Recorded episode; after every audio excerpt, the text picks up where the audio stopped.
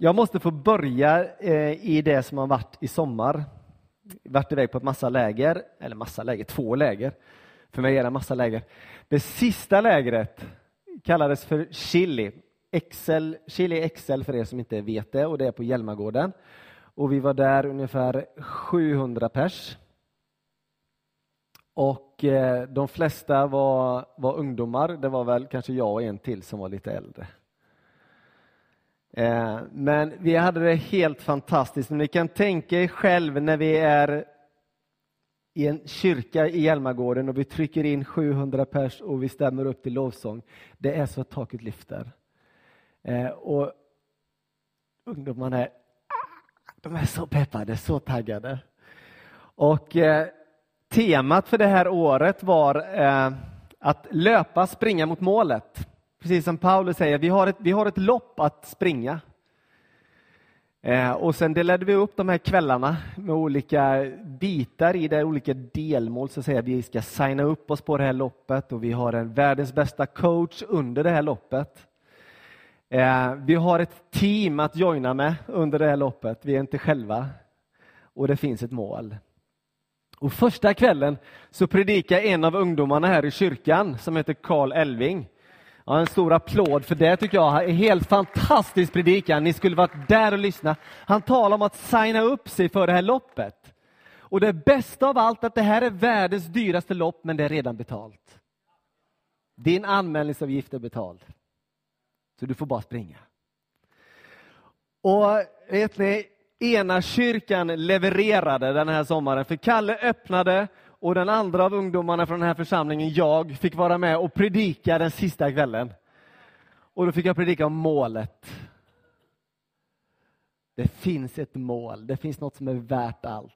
Det är värt allt, allt, allt, allt. Och det var ganska skönt att få stå där som 50 plus och säga, jag ska berätta för er att det är värt allt. Och det kommer bara bli bättre. Yes! Jag var tacksam att få vara med på det här Chilelägret och ni skulle vara med. Får jag ta en grej till? Ja, vad bra. På kvällarna, på andakterna, så är det ett stort, jättestort tält som är delat i två delar. Och det här är ett bönetält. Den ena delen så är det olika stationer som man kan dröja vid. Och den andra delen av tältet så får man personlig förbön. Och vi kanske var en 30-35 förbedjare på, på kvällarna. Och det var alltid kö. Smaka på det. Alltid kö. Du vet, alltså, folk springer fram till förbön. För de vet att det händer någonting när vi får lägga våra händer på varandra. Inte för att vi lägger händerna, men för att Gud verkar. För att Gud verkar. Människor, massa tonåringar blev frälsta. Massa tonåringar fick uppleva helanden. Ett av de största seminarierna, där vi har olika seminariespår på lägret, så man kan välja olika inriktningar så att säga. Och ett av de största spåren som drog mest folk det här lägret, över hundra personer, det var när själen gör ont. Det här är våra ungdomar vi snackar om. Det största spåret var när själen gör ont.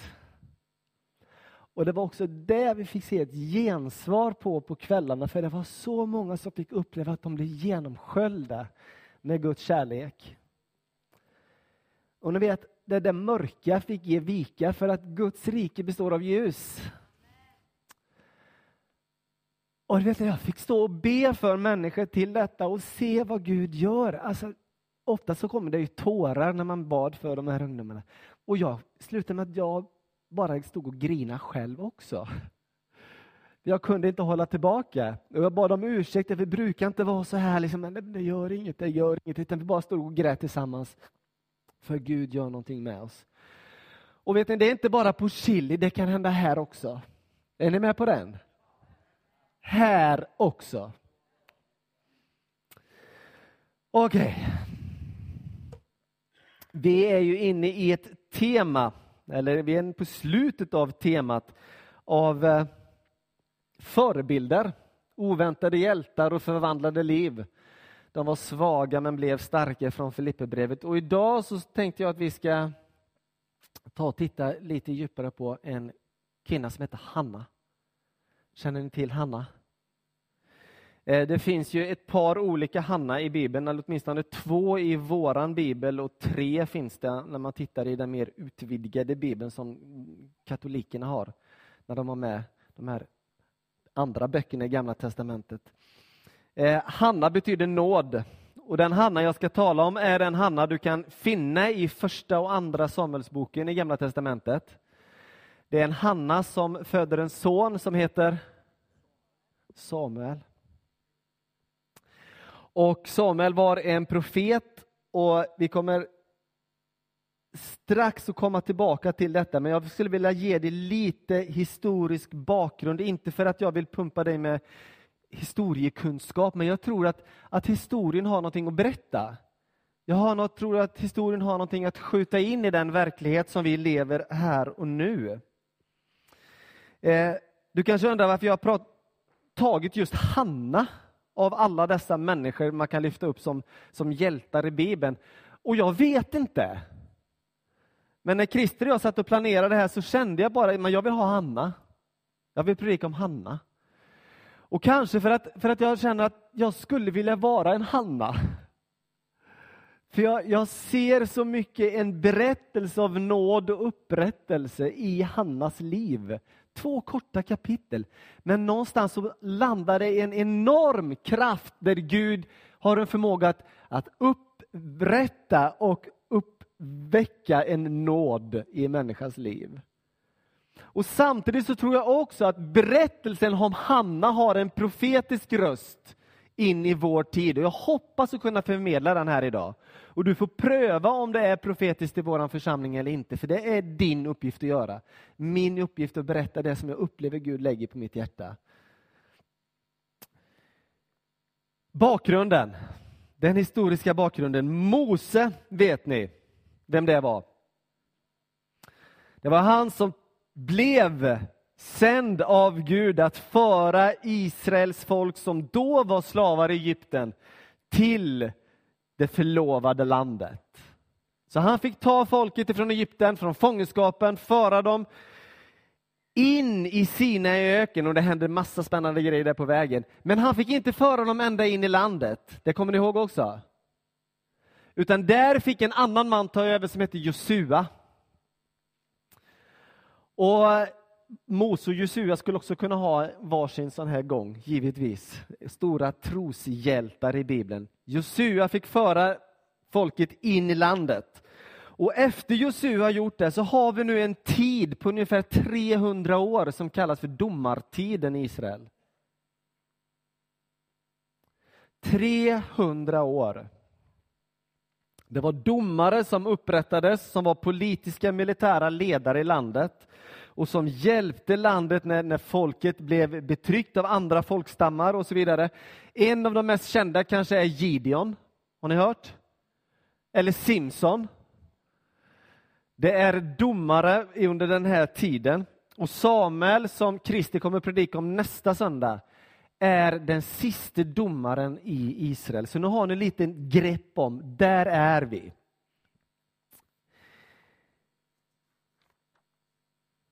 Grejen här är, och det här står i Domarboken kapitel 2, vers 1, att under Josua tid och de äldstes tid, så länge de levde, så tjänade folket Herren.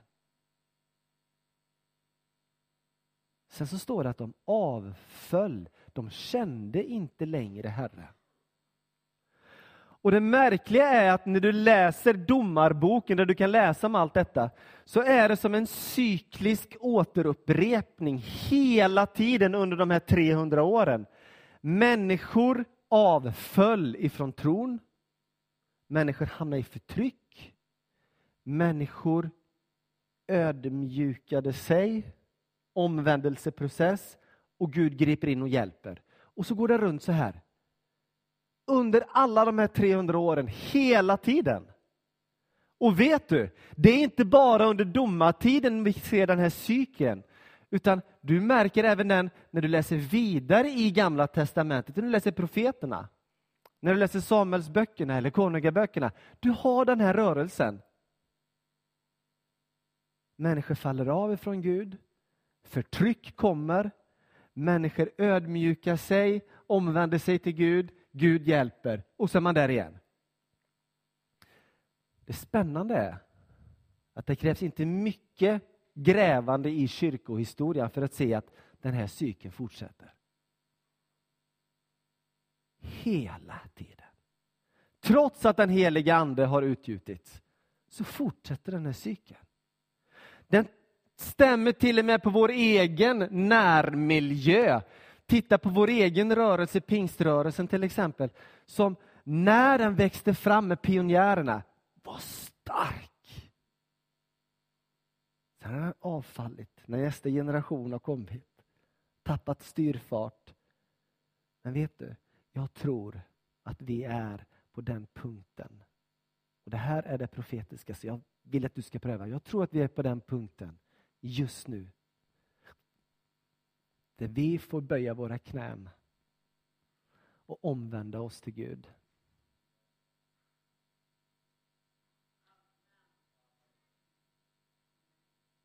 Jag tror vi är på den punkten. Där vi får böja våra knän och omvända oss till Gud.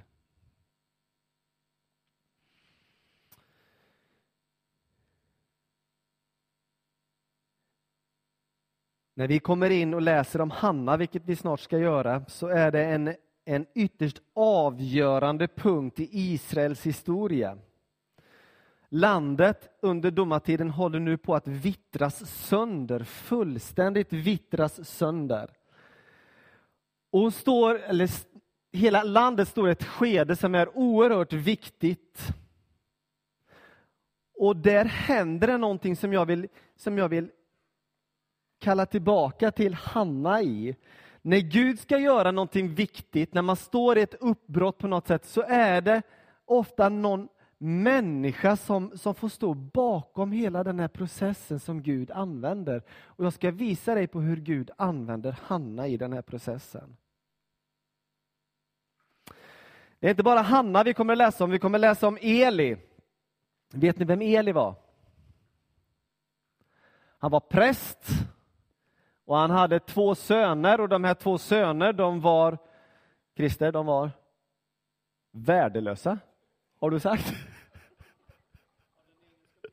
Den engelska bibeln säger att de var värdelösa. De hade fallit av ifrån Gud. De, de brydde sig inte om Gud, utan de, de levde sitt eget liv fullständigt. Och Eli han sitter bara vid sidan av och ser sina söner göra detta. Han reagerar inte. Och bara det kan jag känna, varför gör han ingenting? Men det gör han inte. Platsen där detta var hette Silo. Och Silo var den, den heliga platsen under domartiden. Det var där Guds ark var förvarad, alltså där Guds närvaro var, var. Dit strömmade folk, dit vallfärdade folk för att tillbe Gud. Och den här platsen, när nu sen allt börjar brytas sönder, blev skövlad så arken togs ifrån Silo. Guds närvaro togs ifrån Silo. Är ni med? Och nu börjar det bli en splittring. Nu börjar det inte längre vara Silo som är den centrala punkten för allt folket, utan nu börjar det komma upp massor med olika. Det är Gilgal, det är Mispa, det är Betel, det är massa olika platser som blir de heliga platserna. Och folket blir splittrat när Guds närvaro inte är det här som drar oss samman. Alltså det finns många bitar här som jag tror talar väldigt, väldigt starkt in i vår tid också. Och här möter vi Hanna i till sin synes vanliga kamp. Hon brottas och hon lider, men någonstans får hon mitt i sin svärta och sin brottningskamp vara ett verktyg för Gud i den här tiden. Och Det vill jag mena, det stämmer för oss alla här inne också. Och det vill jag att du ska följa med i just nu, för att jag tror att Gud vill göra någonting i ditt liv som är lite likt det han gör i Hannas liv. Hon var gift med en man som hette Elkana.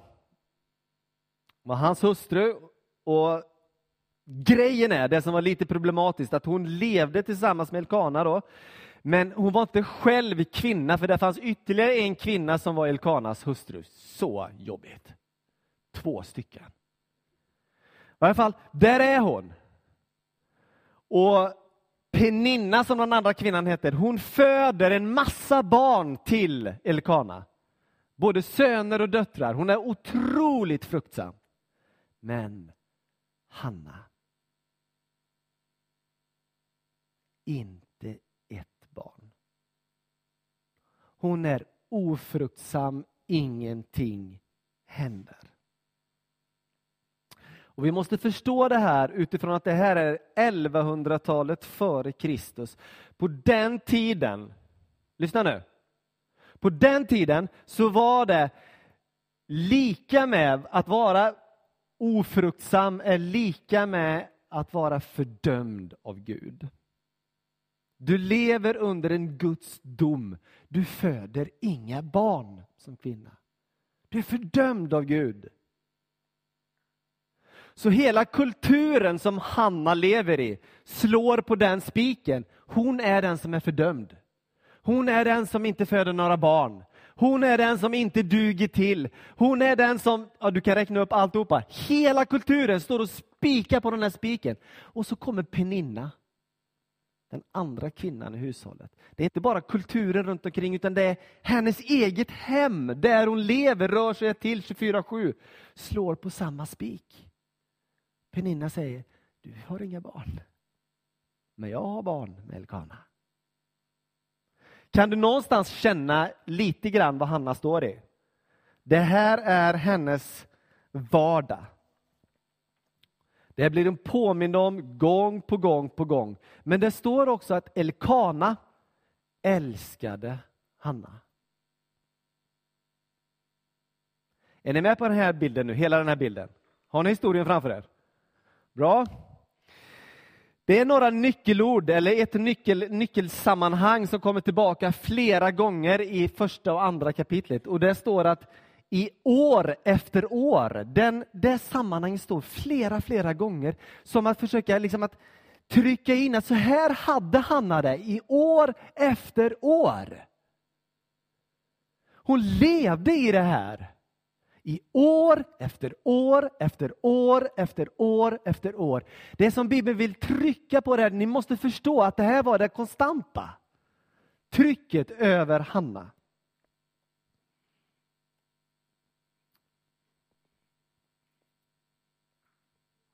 Detta pågick år efter år, står det. Varje gång Hanna gick upp till Herrens hus retades, jag tycker det är ett roligt ord, retades, Peninna med henne på samma sätt. Nu grät Hanna och ville inte äta. Då sa hennes man Elkana till henne, Hanna varför gråter du? Varför äter du inte? Varför är du så ledsen? Är jag inte mer för dig än tio söner? Elkana älskade alltså Hanna. Och jag tror att den här texten vill säga oss något. När vi möter på människor som är i sorg, när vi möter på människor som är i en sån här misär, så kan vi ofta komma i all välmening. Ja, men du har väl det ganska bra ändå, du har ju tak över huvudet åtminstone. Eller, ni är ju åtminstone två som tar hand om det här. Eller, du vet, i all välmening så kommer man för att försöka lyfta upp och få den andra att se någonting annat. Men den här texten säger någonting helt annat. Den säger, låt människor som är i sorg få landa i sin sorg. Var inte snabb med att komma med de där enkla lösningarna. Kom igen, ta det i nacken, kragen. Du, det finns så mycket annat, se på det. Låt människor som är i sorg landa i sin sorg. För det är vad Hanna gör. Och då händer det någonting.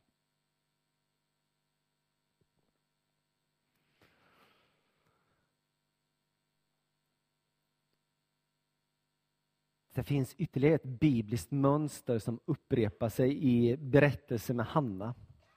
Om vi spolar tillbaka bandet ett antal år så finns det en kvinna som heter Sara och vad var hon? Hon var ofruktsam. Sara kunde inte föda några barn. Hon var gift med Abraham. Men Gud möter och gör någonting möjligt som egentligen inte var möjligt när hon var 90 år gammal. Så föder hon en Isak som föder Guds frälsningsverk vidare. Simpsons mamma, som vi inte vet vad hon heter, men vi vet att hon var ofruktsam. Hon kunde inte föda några barn. Änglar besöker henne och hennes man och förtäljer att hon ska få föda barn. Och så föds Simson. Hanna var ofruktsam. Hon föder Samuel som har en oerhörd betydelse i Guds frälsningshistoria. Vi kan spola fram bandet och så möter vi på en mamma till Johannes döparen som heter som heter Elisabet. Vad var hon? Ofruktsam. Kunde inte föda några barn. Men Gud möter henne och hon får vara med om att föda fram någonting som gör skillnad i Guds frälsningsplan. Och jag skulle vilja ta det här som en profetisk deklaration över våran församling. Och det här vill jag att du prövar, ordentligt prövar. Jag tror att vi är i en punkt där vi inte behöver skylla över vår ofruktsamhet. Det var länge sedan för de flesta av oss sedan vi för, var med och födde fram någon till tro på Jesus Kristus. Men jag tror att det kommer till en punkt nu då vi kommer få se mycket av det. Jättemycket av det. Vill du vara med på det?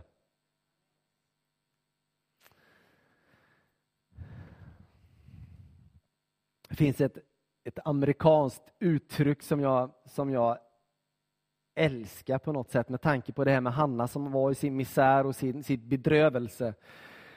Det lyder så här att when you are cut down to nothing, God is up to something. Och vet du, jag tror på det. Jag tror på det sunt, heligt bondförnuft. När, när, när Gud, när du är liksom, hugger med fotknölarna, då är Gud uppe till någonting. Då är han på gång. Hon var barnlös, hon var barnlös, ofruktsam. Men ser ni? Ser ni mönstret? Då kliver Gud in. Hanna tar oss vidare. Vad är det hon gör? När de hade ätit och druckit i Silo reste sig Hanna och gick till Herrens tempel där prästen Eli satt på sin stol vid dörren. Hon var djupt bedrövad. Hon började be till Herren under häftig gråt. Jag tror inte vår översättning riktigt gör rättvisa. Det står häftig gråt, men det är en, det är en förtvivlan utan like. Det är alltså att hon är... Ni vet den här, för det här har pågått i år efter år efter år efter år efter år.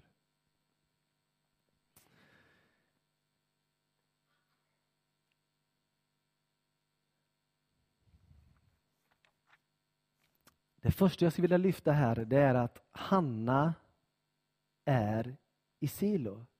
Vet ni varför folket åkte till Silo? Vet ni den stora högtiden de flesta åkte till i Silo och som Hanna var på just nu, det var skördehögtiden. Och kan ni då tänka er in i Hannas situation här, skördetiden när man ska tacka Gud för hans generositet, för att man har fått allt. Och så har du Hanna där som är barnlös år efter år efter år efter år. Men hon åker till skördehögtiden. Hon har inte tappat sin blick på vem hon är. Hon åker till skördehögtiden. Jag tror inte det var lätt för henne. Men hon gör det. År efter år efter år. Och sen bryter det igenom. Jag tror att Hanna skulle kunna tagit en av två vägar. Hon skulle kunna fastnat i bitterheten och pittimiträsket. Och suttit där, se hur jag har det. Men hon tog en annan väg. Hon åkte till Silo. Hon grät förtvivlat inför Gud. Där händer det någonting. Vet ni, jag tror att orsaken till att Hanna beskrivs i Bibeln som en, en troskvinna handlar inte om att hon födde en son, utan jag tror att det handlar om att hon mitt i sin sorg och sin svärta sökte sig till Gud.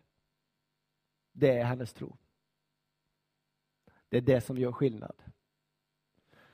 Det är det som gör enorm skillnad. Resten är det Gud som gör.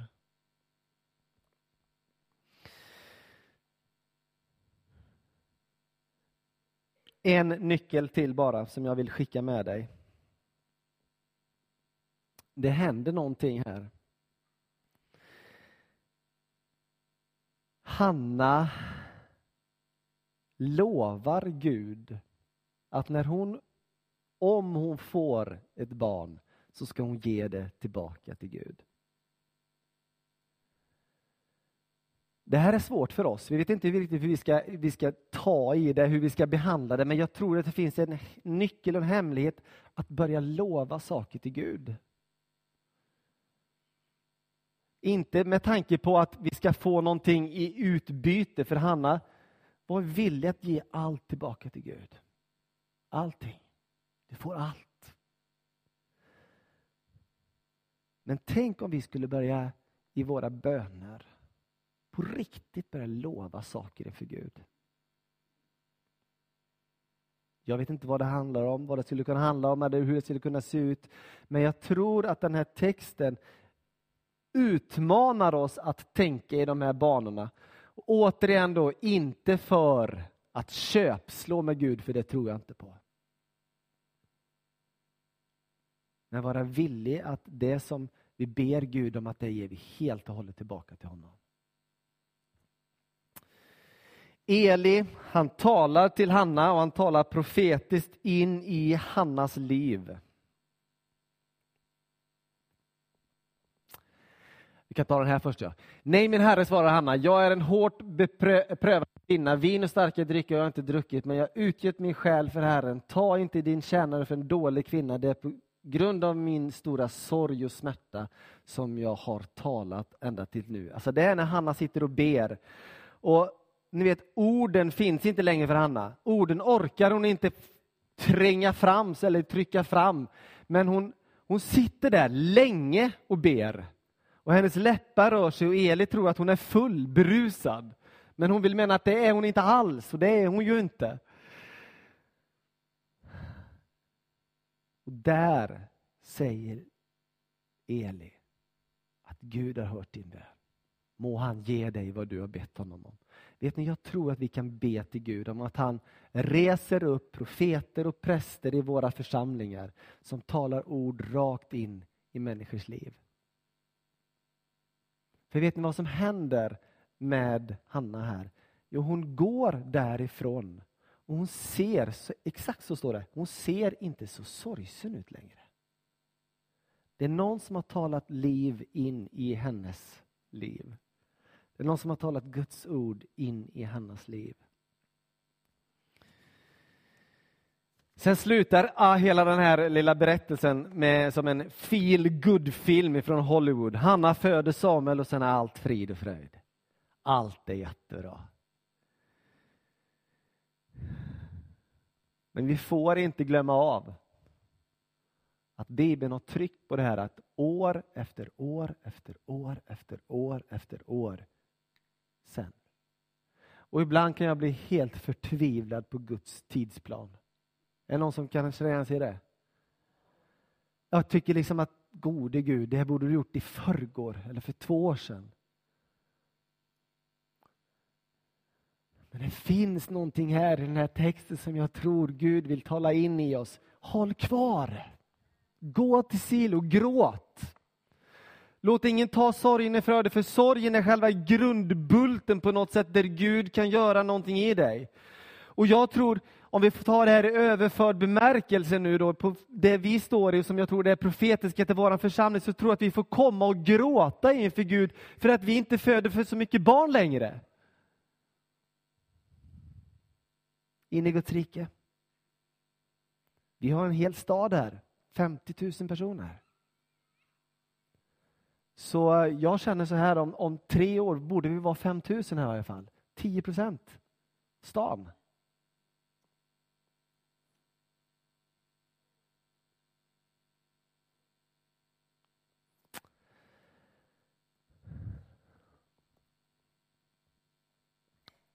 Hanna blir besjälad med en ny sång i sitt liv. Hannas lovsång, som är ganska lik Marias lovsång i Nya Testamentet. Det är någonting som har ändrats i tonen hos Hanna när hon sjunger sin lovsång. Det är väldigt lite Hanna och hennes sorg och hennes bekymmer, men det är väldigt mycket Gud, vad han kan göra, vem han är. Han är min frälsning. Hon talar ingenting längre om att att hon ska bli glad och lycklig för någonting, men hon talar att i Herren är jag lycklig. Hon talar inte längre om att hon ska få uppleva någon befrielse, någon frälsning. Hon säger att i Herren har jag min frälsning. Allting. Det är en förskjutning ifrån Hanna till Gud i hela sången. En förskjutning ifrån Hanna till Gud. Och så säger hon det här, för av egen kraft är ingen stark.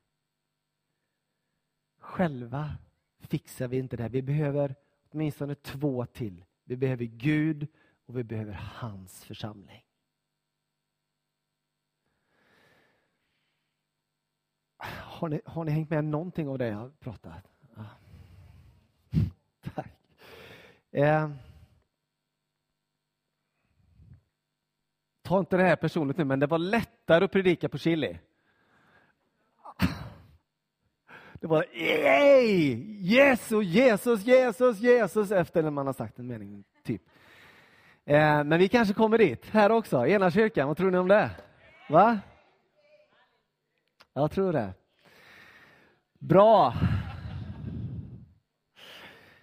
Hörni, ska vi be att lovsångsteamet kommer fram?